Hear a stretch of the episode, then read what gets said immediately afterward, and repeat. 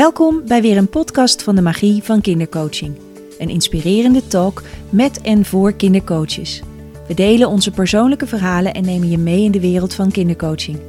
We vertellen je over onze groei en ontwikkeling, onze frustraties en valkuilen, onze missie en passie, de keuzes die we hebben gemaakt en natuurlijk nemen we je mee in de huidige ontwikkelingen. Kindercoaching is een beroep waarin je niet alleen kinderen coacht, maar ook hun opvoeders meeneemt in een persoonlijk coachproces. Een duurzame manier van begeleiding en zorg voor het welzijn van kinderen en ouders, maar ook voor onze toekomst. Want de kinderen van nu zijn de volwassenen over 30 jaar en nemen dan beslissingen voor onze samenleving.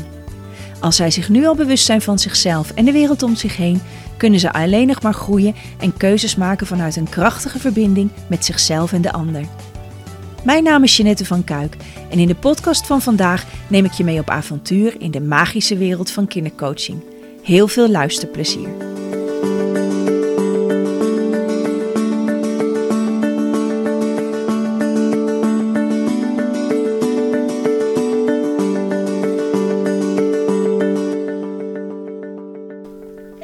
Vandaag ben ik de gast bij Gerlinde Bijzitter. En Gerlinde heeft een prachtige praktijk op de eerste verdieping van haar huis. Dat zijn twee kamers die eigenlijk opengebroken zijn en aan elkaar gemaakt zijn tot één grote ruimte. En het is hier zo heerlijk. Ik hoor buiten vogels fluiten. Uh, er is een heerlijke lichtinval. De sfeer is fijn. En wat een ruimte, Gelinde. Maar goed, voordat ik uh, los ga hier, zou je jezelf kort even voor willen stellen? Ja, dat wil ik doen. Mijn naam is Gelinde. Uh, ik woon in Houwelwijk. Dat is in het hart van het noorden, van de drie noordelijke provincies. Ik ben getrouwd en ik ben moeder van twee volwassen kinderen. Oké. En je hebt dus ook een praktijk. En ik zie hier zelfs een, een matras liggen. Dus volgens mij hebben we nog genoeg te vertellen en te ontdekken over wat je allemaal hier doet. Maar wat is eigenlijk het begin geweest? Hoe zag je leven eruit voordat jij begon met dat vak kindercoaching? Of voordat je dook in het vak kindercoaching? Um, mijn leven voor die tijd was heel divers. En dat varieerde van uh, gastouderopvang tot uh, hulp in de huishouding. tot op een gegeven moment ik bij Luxeflex aan de slag ging. En Luxeflex ging verhuizen naar het buitenland. En ik moest toen solliciteren. En toen had ik zoiets van, wat ga ik doen? En het solliciteren, dat was best wel een moeilijk ding. Ik kon vernemen dat ik daar onzeker van werd, afwijzingen en dergelijke. En uh, toen was er ineens het besluit in mezelf: ik kan aan mijn leeftijd misschien niks veranderen, maar aan mijn opleidingsskills wel. En vandaar kwam de gedachte: maar wat zou ik dan eigenlijk willen? Hmm. En uh, ik ben tot op de dag van vandaag mijn baas van Luxeflex nog steeds dankbaar, die onverwacht een keer de kantine inkwam en zei: Jouw kantine is ook nooit leeg, hè? En uh, dat hij me er daarmee ook op wees dat altijd mensen even binnenkwamen voor een babbeltje. Of als er iets speelde onderling, dat ze hun ei even kwijt konden. En van daaruit uh, heb ik stappen ondernomen. Ja, en ik weet ook toen, um, toen wij weer wat, wat intensiever contact hadden. misschien voor de luisteraar even handig om te weten, wij zijn familie. Gerlinde is mijn grote nicht. en uh, dat, is, dat contact is een tijdje, hebben, zijn we onze eigen wegen gegaan. En op een gegeven moment kwamen we natuurlijk weer met elkaar in uh, contact. Eigenlijk door de BSR, door de, ja. de rugklachten die jij had. Um, en ik weet dat jij toen op dat moment een opleiding deed tot, was het niet voeding, iets met voeding of ja. zo? Opleiding uh, gewichtsconsulenten. Ah, ja. Waarbij ik meteen ook voelde, ik wil dat inzetten voor kinderen.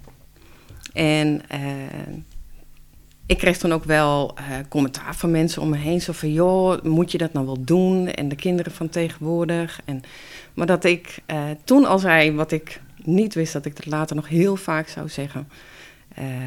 Ja, maar weet je, er wordt op dat moment een zaadje geplant. En ook al worden ze tiener en laten ze alles los. Er zal een moment komen waarop ze dan weer terugkijken. En terugdenken en ineens zoiets van, oh, wacht eens Glyn heeft het daarover gehad. En oh, wacht, die suikers. En misschien kan ik beter dit of kan ik beter die keuze maken.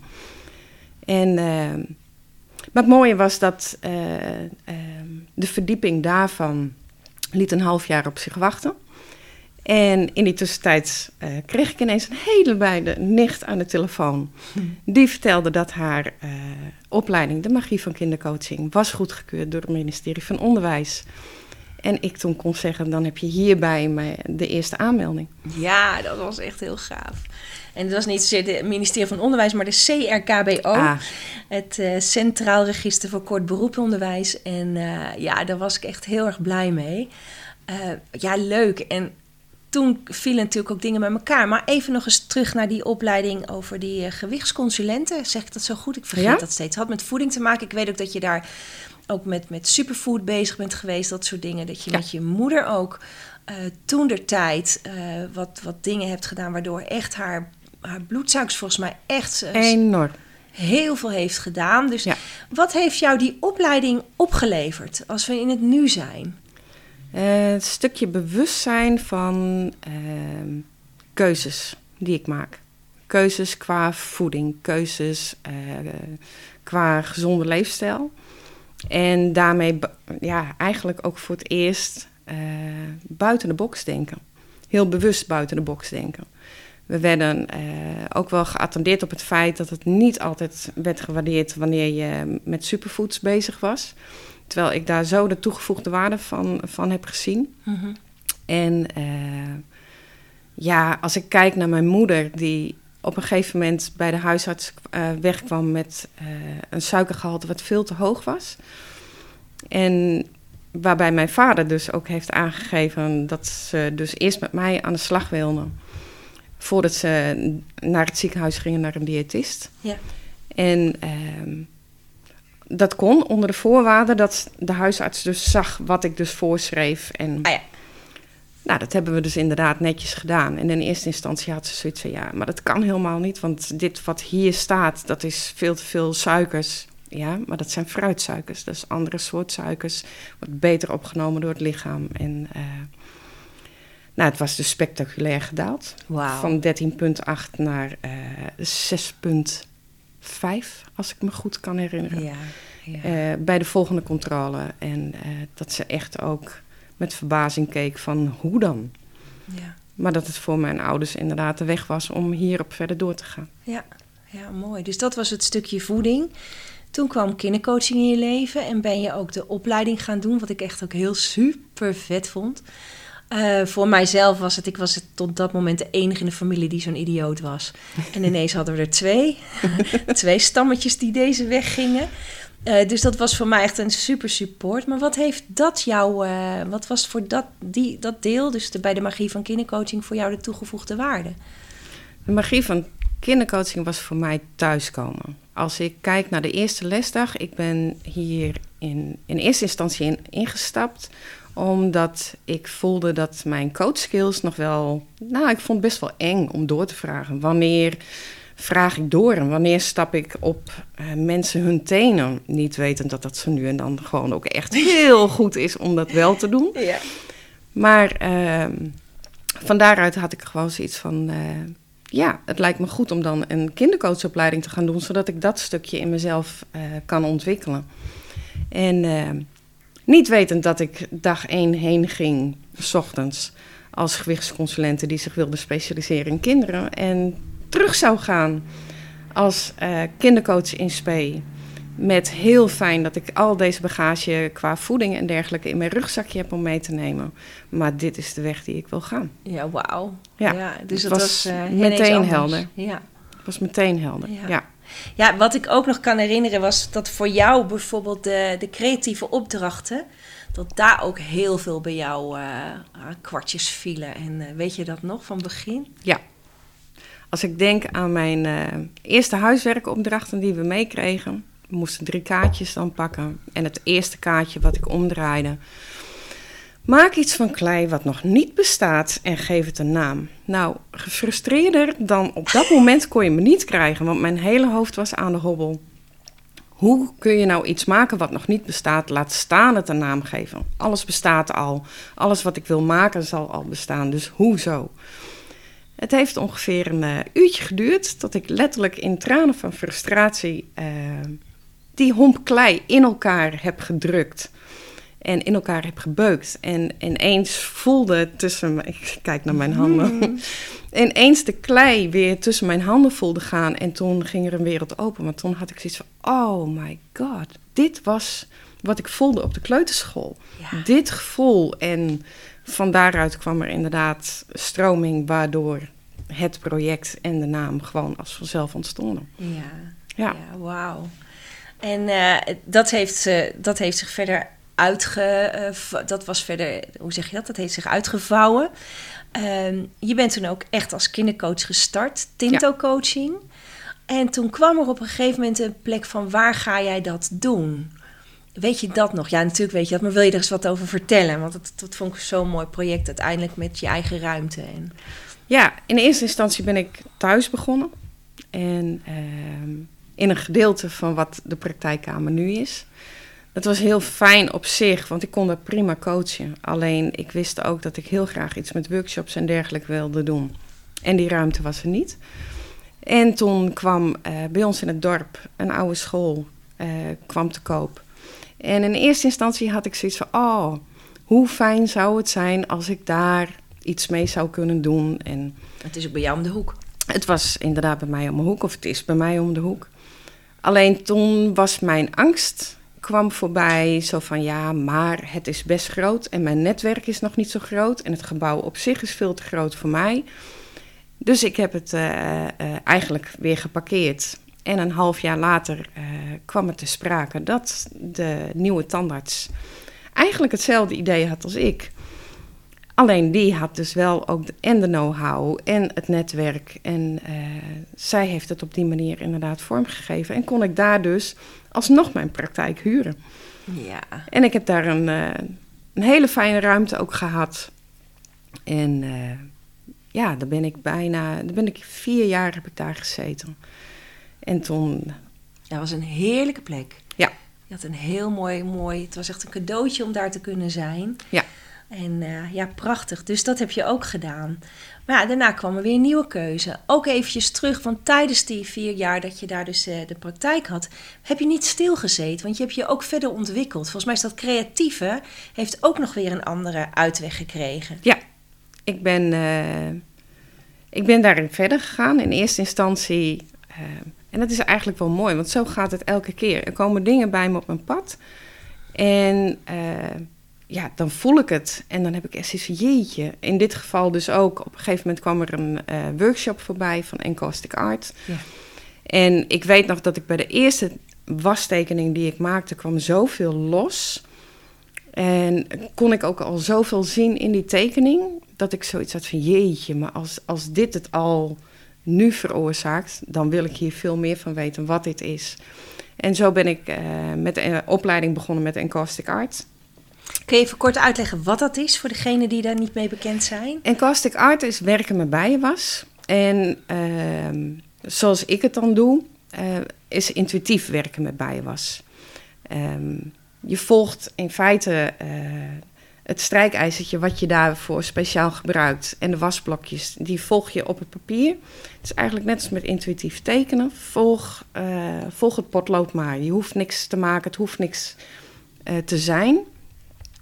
En uh, op het moment dat je voelt dat het klaar is, dan leg je het boutje neer en ga je kijken wat, is, wat zijn de kleuren bijvoorbeeld? Of, en wat zeggen die? Maar ook, wat zie je erin? Ja, wat zijn de bewegingen? Wat zijn de bewegingen? Ja. Als ik hierin coach, dan kijk ik ook vooral mee. En kijk ik wat er bijvoorbeeld tijdens, uh, tijdens het werken met de bijen was ontstaat. En dan zie je bijvoorbeeld mensen die, die heel specifiek kleurtjes hebben gepakt omdat ze die heel erg mooi vinden en er dan achterkomen doordat het versmelt met elkaar door de warmte. Uh, zie je dat het heel, heel iets anders ontstaat. Ook een heel andere kleur ontstaat. En dat, dan kun je bij wijze van spreken ook teleurstelling zien. Van, oh, maar daar kan ik dan weer op inspelen. En uh, andersom kan het ook heel verrassend zijn als ik ze vraag om intuïtief kleurtjes dus uit te kiezen met de ogen, de ogen dicht. Ja. En dat ze dan soms ook wel met een vieze blik naar die uh, kleurtjes kijken. Ze van, ah, die had ik nooit uitgekozen. En wanneer het dan op papier komt, dat ze ineens dingen zien ontstaan qua kleur, maar ook uh, qua vorm. Dat ze zoiets hebben, jeetje, wat gebeurt hier? Dit is mooi. Ja. En dit had ik dus niet verwacht. Nee. Ja, even heel kort, want ik heb het bij jou mogen doen. Samen met mijn man Erik kregen we dat van jou als uh, huwelijkscadeau. Hebben we er samen een gemaakt. Dus je hebt eigenlijk een, eh, een heet strijkijzertje en op de onderkanten van smelt je een beetje. Je hebt de blokjes, die kun je kiezen en dan smelt je een beetje op die onderkant. En daarna zet je dat strijkijzer op het papier en je maakt een beweging. En uh, ja, dat ontstaat. En, dat, uh, ja, en wij hebben ook een soort boom samen, werd het uiteindelijk. En uh, was heel leuk om te doen. Dus dat stuk. En je hebt natuurlijk ook nog een deel bij de Kleine Tiki gedaan. Ja.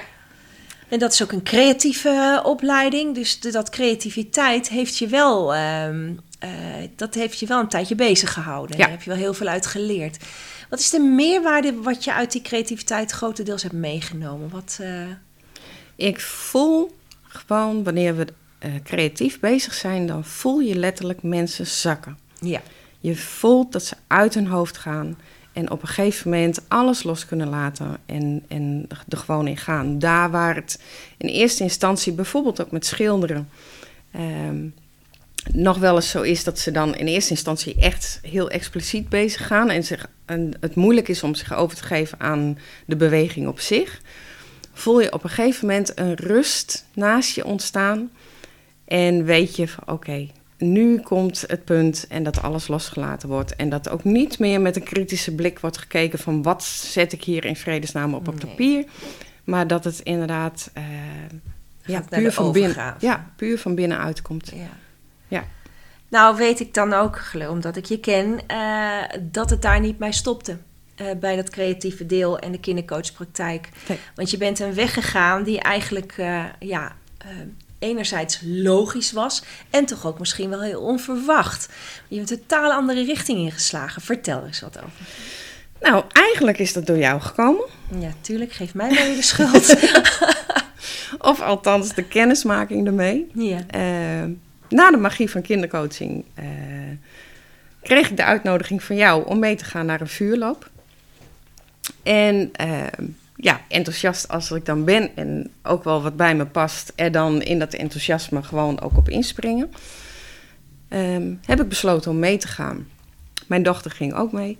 Daar ben ik nog steeds trots op, op haar ook. En um, het mooie was dat ik daar voor het eerst eigenlijk bewust heb gevoeld hoeveel er binnenkwam.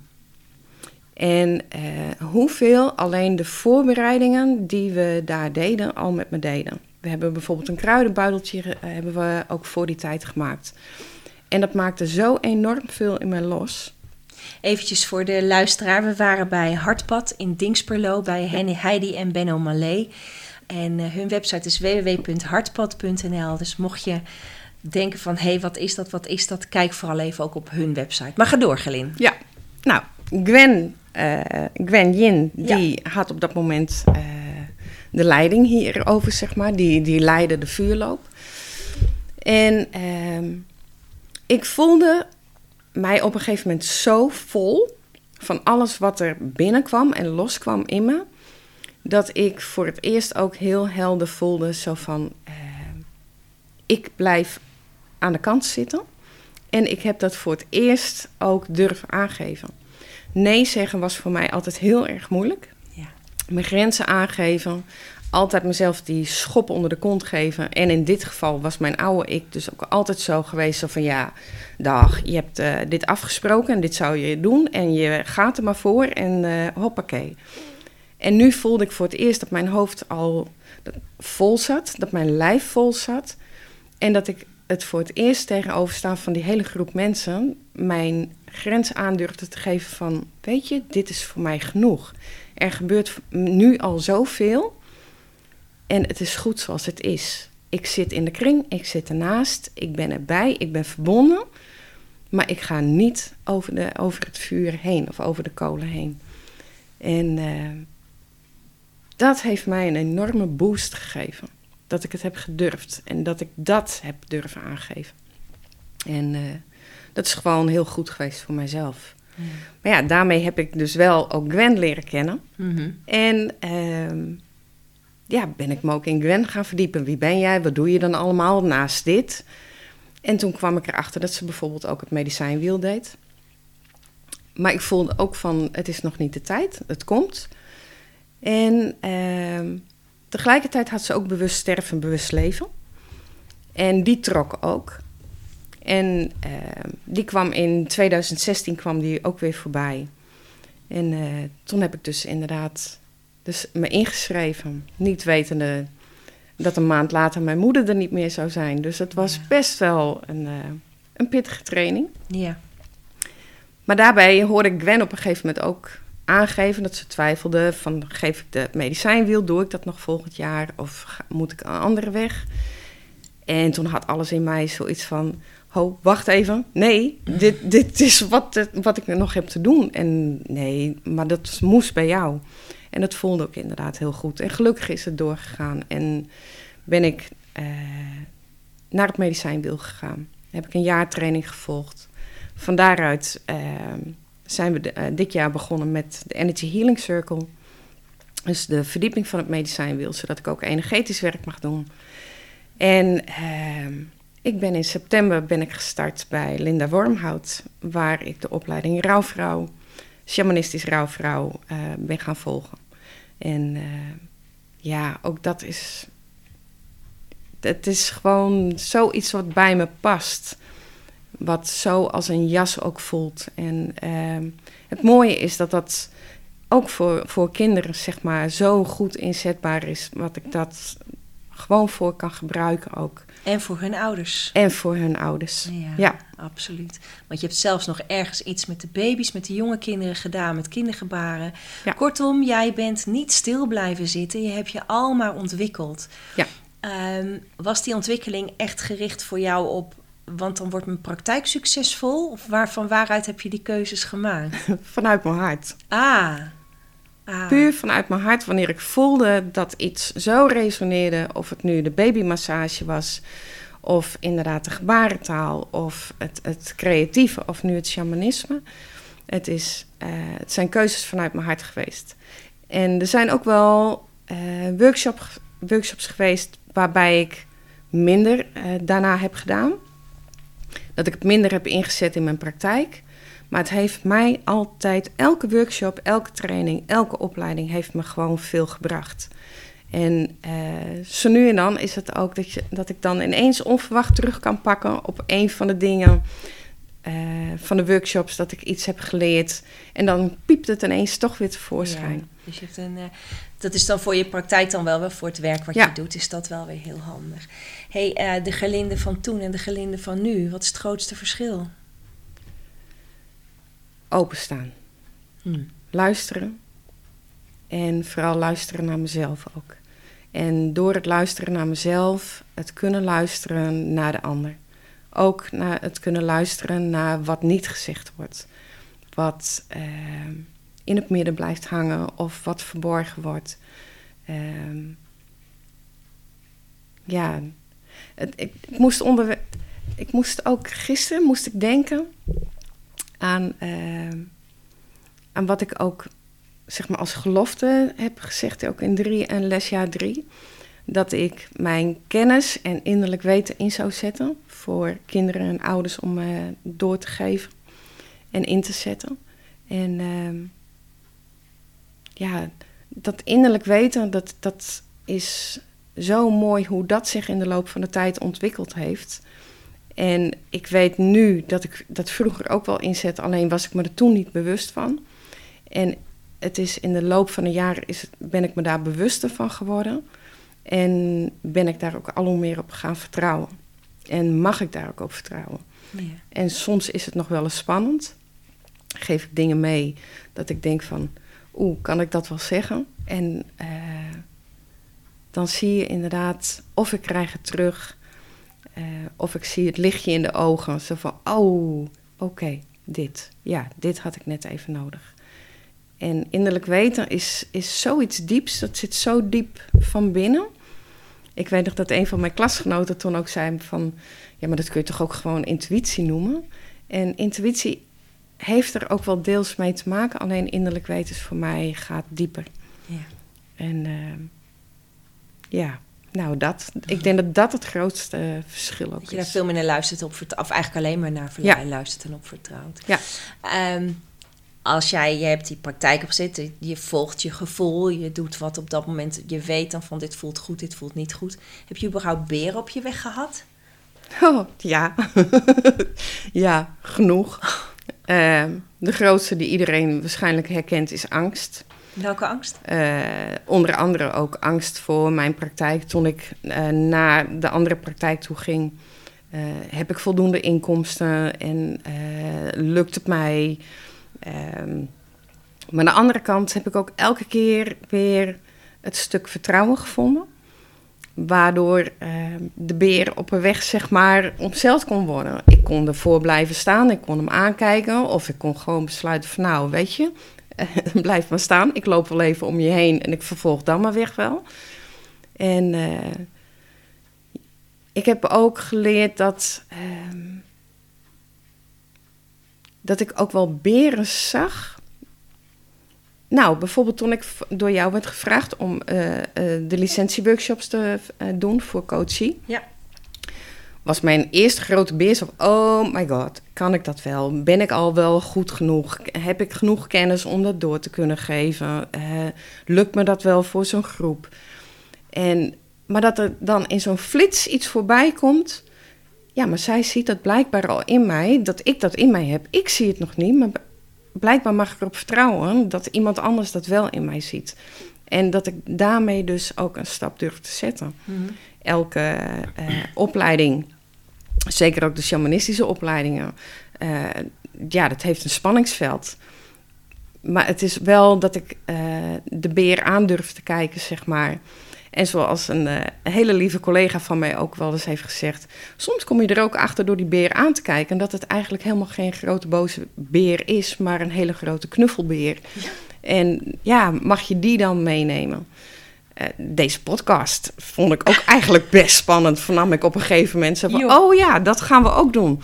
Ja, Mhm. maar ook het besef zo van... oh ja, ik voel weer even die spanning en die herken ik. Maar het fijne is dan om het dan wel te gewoon te doen. En die beer niet groter te maken dan dat die is. En te vertrouwen op, nou ja, de omstandigheden, dat wat er is. In dit geval dat jij nu bij me zit en dat het gewoon goed voelt. En nou ja, doe maar. Laten we het gewoon maar Ja, doen. We ja. zien het wel. Ik weet nog één beer heb ik je echt gezien. Je had een schrik in je ogen. Dat was toen wij met, eh, in de basisopleiding eh, in een pauze pakten we een familieopstelling op. Oh, En jij kwam die ruimte binnen en jij stoof weg, want dat kon toch echt niet? Nee. Nou, die beer is ook opgeruimd volgens mij. ja, ik had geen idee wat er aan de hand was. Nee. Ik kwam na een, eh, een, een wandeling in de, tijdens de lunch kwam, kwamen we weer terug. En ik zag in de, in de lesruimte zag ik gewoon mensen staan. Ja, ze stonden eh, in de ruimte. En ik had alleen maar zoiets van: oh nee, dit, dit wil ik niet, dit gaat niet. En eh, ik ben er weer uitgestoven. Nou, toen dus wel ook dat oude stuk van mij van... eh, hallo, je bent hier om te leren. Eh, je weet niet wat er aan de hand is, maar je gaat maar weer naar binnen... en je kijkt maar eh, wat er is. En, dus ik ben naar binnen toe gegaan. Ik zag inderdaad die groep mensen dan wel.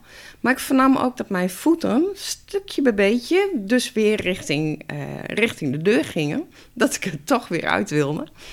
En... eh, na die opstelling, wat dus een opstelling bleek te zijn, heb jij me inderdaad even apart genomen. Hebt uitgelegd wat er gebeurde. En ook vanuit ons familiesysteem, wat er dus, eh, ja, wat er dus bij mij allemaal reageerde. Vanuit mijn familie-DNA. En eh, ja, het mooie daarvan was dat ik daarmee dingen kon begrijpen. Toen kregen we op een gegeven moment eh, kregen we een lesdag van Sander en Janni. Ja, van Zand. En ja, daarmee, dat was eigenlijk ook de doorbraak waarbij ik zoiets had van jeetje, hoe gaaf. Ik zag de eerste opstelling, want ik had eerst zoiets van nou, ik hoefde nog niet zo nodig, ik keek wel. Toen bleek er nog ruimte te zijn voor een tweede opstelling. En voordat ik het wist, ging mijn hand omhoog. En had ik zoiets van: oh shit, wat doe ik nu? Mm. Maar heb ik dus inderdaad die opstelling eh, gedaan. Ja, en daarbij kwam zoveel los. Dat ik zoiets had van: jeetje, dit, dit wist ik niet. Dat dit stuk zo diep in mij zat. En hoe gaaf dat het op deze manier dus helder wordt voor me. Ja. En eh, van daaruit ben ik dus ook naar de opstellingen dagen geweest wel bij Jannie en Sander. Heb daar heel veel van geleerd. En eh, ja, ja, ik ben tot op de dag van vandaag ook blij dat dat inderdaad, eh, Dat je die beer hebt aangekeken. dat ik die beer heb aangekeken. Ja. Is er iets wat je zou terughouden? Ik hoor namelijk, eh, die, die vraag stel ik eigenlijk zo van... ehm, ik had bijvoorbeeld vanmorgen iemand aan de telefoon die zei... Ja, ik wil zo graag en ik, ik, heb, eh, ik, ik maak stappen... maar ik, ik voel ook nog zo dat ik het zo lastig vind... Want ik, ik word ook nog een soort van gevoel van tegengehouden worden. Heb jij dat gevoel ooit ervaren van... ik word tegengehouden door ja, iemand of iets? veel. Ja. En Noem eens wat voorbeelden. Ehm, nou ja, als, ik, als we nu alleen bijvoorbeeld kijken naar de coronacrisis. Ah ja, Hè, dat is bijvoorbeeld een voorbeeld waarbij ik zoiets had van... jeetje, heb ik net mijn praktijk klaar? Kan ik los? En na twee weken moet ik dicht. ja. Omdat, Want je Eh, bent verhuisd even qua praktijkruimte. Nu zitten we hier natuurlijk, maar dat was even een verhuizing. ja... En eh, nou ja, naast eh, de verhuizing inderdaad ook verbouwing. Heeft even tijd gevraagd. En op het moment dat ik los kon... Ja, toen was het he- twee weken. En toen heeft de regering dus besloten... Dat, we, dat ik dus niet in de praktijk bezig kon gaan. Dat zijn dan wel van die obstakels dat ik dan denk van... Oké, nou, dan ga ik dus inderdaad nu ook wel kijken... Ik voel dit op deze manier. Wat kan ik hiermee? En ik denk dat dat het ook inderdaad is. Ehm, elke keer als ik een obstakel voel... En ik moet zeggen, dat is ook wel wat Gwen ons heeft geleerd tijdens de, tijdens de opleiding. Ook wel bij de andere opleiding, maar bij haar is het eh, nog meer ingedaald. Dat ik kijk van wat is de schaduwzijde, wat is de lichte zijde? Wat heb ik hierbij nodig? Wat is wat ik in kan zetten? Of moet ik juist gewoon even helemaal niks doen en achteroverleunen en het gewoon even laten zijn en kijken hoe het, hoe het zich dan ontvouwt? Ja. En vooral dat laatste leer ik al hoe beter. en dan komen er inderdaad dingen op mijn pad dat ik denk van, oh, wacht even. Of een gedachte, een inzicht. Of juist iemand die op mijn pad komt, ehm, ja, die daarvoor bijvoorbeeld niet de, de kans had gekregen omdat ik het te druk had of te veel in mijn hoofd bezig was met die, eh, ja, met die weerstand. ja. Dus Dus ben je wel steeds doorheen gegaan, doorheen gebroken. Wat eh, in een, een van de vorige podcasts had ik een gesprek met eh Gerdien Jansen en met Marlies van der Hout. En wat daar heel erg mooi naar voren kwam eh, bij ons drieën, was dat we alle drie eigenlijk ook een goede supporter ha- hadden. Die ons, als wij dan zelf al een beetje terugdeinsden, dat er dan weer die supporter was. In, eh, in die zin, in de rol van onze echtgenoten. eh, die dan weer dat duwtje geven, omdat die zo onvoorwaardelijk in ons geloven. Heb jij zo'n supporter in jouw leven? Ik heb meerdere? abs- absoluut zo'n supporter in mijn leven. En die was eigenlijk, voelde dat al. Het is wel bijzonder dat je dit zegt, want gisteren we- heb ik dit nog benoemd naar hem. Ehm, eigenlijk voordat ik eraan toe was, voelde hij al dat het voor mij goed zou zijn als ik met dit soort dingen, eh, Wauw. als ik mezelf zou ontwikkelen. En ik hield zelf dus die boot af, zo van nou, weet je, eh, het is prima zoals het is. En die hij, is dat jouw man, Cor? Ja, Absoluut. ja. En eh, ja, hij, hij is onvoorwaardelijke support. Inderdaad, gewoon van wat ik ook doe. Of het nu is qua opleiding en dat ik ergens heen ga. Of eh, dat ik mezelf terugtrek. Want eh, omdat ik eh, bijvoorbeeld, zoals vanavond is, doe ik dus ook weer een ritueel. Ik ben dol op rituelen. Heb Mhm. ik bij de magie van kindercoaching ken- kennis meegemaakt. En voelde daarin die herkenning. En dat is een rode draad in mijn praktijk bijvoorbeeld ook. Maar die support daarin ook, ja, die, die is gewoon enorm voelbaar. Ja. Ehm, die support, ja, ik geef je toch die veer. geef ik je toch. Die support heb ik ook bij jou gevoeld. Of door jou, van jou. Ehm, Ik schop meer. Hup, ga maar doen. ja, maar zo nu en dan had ik ook wel, wel even dat moment. eh, en dan was ook wel gewoon alleen al het sparren. Ja, hebben ook veel. En, ja, we hebben ook gewoon veel gespart. En, en dat was voor mij ook, voelde gewoon als die support. Ja. Naast die bekende schop onder de kont die ik soms eh, kon gebruiken. Maar ook juist het sparren was inderdaad de support Ja. die ik kan... eh, Ik hoor ook van veel, eh, veel collega's dat ondanks dat mannen hun onvoorwaardelijk ook steunen, is er ook altijd een soort van zweefgevoel van jij met je zweverige toestanden. Hoe heeft Cor dat bij jou? Snapt hij alles wat je doet? Eh, nee, hij snapt niet alles wat ik doe. Hij gunt me daarin wel alles wat ik doe. Eh, zo nu en dan komt ook wel bij hem zoiets van... oké, nou ben je me kwijt, dit, dit snap ik niet. Maar eh, het mooie is dat ik stukje bij beetje... ook ervaar hoe hij dus toch dingen meekrijgt. En of het nou is qua, qua coaching dingen die ik uitspreek, of, of ook wel eh, naar onze eigen kinderen soms, is het eh, toch handig om coachende vragen te stellen. In plaats van eh, de moedervragen, zeg maar. En heel enkele keer heb ik ook echt dat ik dat bewust dus wel doe. Maar hij had laatst ook een voorbeeld waar, wat hij dus vertelde en hoe hij had gereageerd. En dat ik zoiets had van, hey, dit is gaaf. Dit stuk heb je gewoon gaandeweg gewoon opgepikt. En jij hebt hem dus ook taal gegeven die hij dan op een andere manier weer Ja. kan inzetten. Ja. Zonder te dwingen. Ja, Ja, want ik denk ook dat daarin een hele kracht zit van elkaar vrijlaten en niet eh, jij moet zo nodig veranderen, want ik heb dit inzicht. nee. Eh, ja, mooi, En het is ook een leerproces geweest voor mij. Want ik ben ook het type waar het hart vol van is. Daar stroomt de mond van over. Ah, ja, ja. En het liefst delen. En, eh, maar bij dit stuk ook op een gegeven moment gewoon gevoeld... Zo van, het is goed. Ik krijg deze vrijheid om, om dit gewoon ten volste te beleven. En eh, zijn ze nieuwsgierig of willen ze er meer van weten... dan kan ik daar gewoon uitleg aan geven. Of ik kan ze eens een keer meenemen. Of... eh, en willen ze dat niet, dan is het ook prima zoals het is. Ben je als moeder veranderd door, dit hele, door deze hele reis in deze andere wereld, zeg maar? Ja, en ik denk dat dat na eh, de eerste lesdag al helder werd. eh, doordat mijn zoon de bus had gemist. En, eh, De letterlijke bus had De gemist. letterlijke Ja, bus had letterlijk gemist. De bus bij de bushalte. en dus in paniek thuis kwam. Zo van, oh, en nu? En nu mis ik school en ik heb een tentamen. En dat ik zoiets had van, oké, weet je, eh, stap in de auto. Ik breng je gewoon een dorp verderop. En als we mazzel hebben, halen we de bus nog in. Maar alleen al tijdens die vijf kilometer ehm, ja, ontstond er een gesprek... waarbij ik terugpakte op de tools die ik op lesdag 1 al had geleerd Mhm. omdat ik op dat moment ook zo voelde van... ik kan in mijn oude stuk gaan en verwijten maken... zo van potverdik, heb, weer- heb je weer de bus gemist? Maar ik heb hem juist coachende vragen gesteld. En hij dacht daarbij na en gaf dus antwoord. Oh, wauw. Totdat we dus in, in, eh, in Zevenhuizen, een dorp hier verderop waren. En hij me dus aankeek...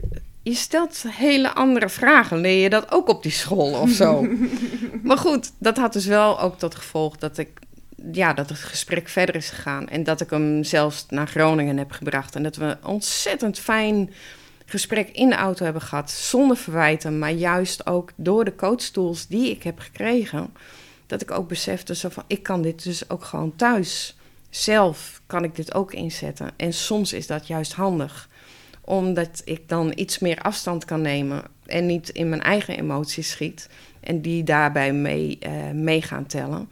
Maar dat ik dus juist door die stap terug en de coachende vraag te stellen... beter bij de ander kan landen, zeg maar. En beter bij mezelf kan landen.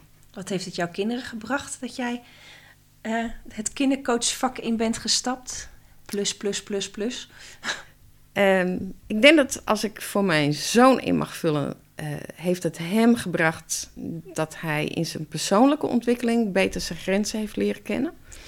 Juist ook door bijvoorbeeld wel dingen te benoemen en te, en te vragen, is hij al hoe meer ook bij zichzelf gaan voelen. Bij mijn dochter heeft het eh, er zelfs in geresulteerd dat zij ook de magie van kindercoaching is gaan doen. En eh, daarna zelfs ook nog coaching met, eh, Met de honden honden, is gaan ja. doen. En ehm, ja, ik denk dat het haar persoonlijk op die manier ook gewoon veel heeft gebracht. Ja. Het stukje ook voelen bij zichzelf. En ehm, ja, welke weg wil ik eigenlijk gaan? Op dit moment is het voor haar, voelt ze gewoon ook van dit is nu nog niet mijn weg. En het is heel fijn dat, dat ik het mee heb genomen. En ik heb het in mijn rugzak. En wie weet wat er straks allemaal nog op mijn pad komt. En ehm, ja, ik denk dat dat ook voor haar, dat stuk voelen van waar ligt, waar ligt mijn pad en het gaan ontdekken, dat dat voor haar ook een, uh, een zeker een toegevoegde waarde is geweest. Waar ze zich bewuster van is geworden. Ja, wauw, mooi. Ik heb eigenlijk nog één vraag die even in me oplopt. En dan gaan we ook echt afronden, want we zijn wel bijna drie kwartier verder. Oh. Uh, ja, nee, dat is leuk. Want wat ik ook weet is dat jij iets met tintels, tinto, tintels, tintels-achtig... Uh, vertel even kort, want dat is een andere manier van uh, met kinderen of met dat... En dat vind ik zo'n leuk idee wat je daarin hebt gedaan. Tinto Tintels is ontstaan bij mij omdat ik voelde ook in de coachpraktijk uh, tijdens het coaching hoe, wat ik al benoemde, het mensen laat zakken. Hoe het kinderen laat zakken. Hoe fijn ze het vinden om daarmee bezig te zijn. Maar ook wel het stukje wat ik in de praktijk ook wel tegenkwam. Zo, uh, wat bijvoorbeeld ook tijdens de magie van kindercoaching uh, aan bod kwam als we moesten tekenen. Dat jij ook wel zei, je, iedereen zal dan natuurlijk denken, schiet in de modus van, oh, maar ik kan niet tekenen. En dat mhm. jij ook aangaf, iedereen kan twee rondjes en vier hartjes tekenen en dat is ook genoeg. Tijdens de ehm, opleiding van de kleine Tiki had ik echt ook gewoon zoiets van, ik wil hier meer mee. En ik wil het graag ook voor kinderen uh, inzetten. Maar juist ook het gevoel van het samen delen, het samen doen. Um, en vandaar is Tinto Tintels ontstaan. En het is wel een, het is een workshop. En in tegenstelling, als ik die vraag ook wel van ouders krijg: van goh, hè, wat gaan jullie dan doen? Is het dan knutselen? Of ja, dat kan het inderdaad ook zijn.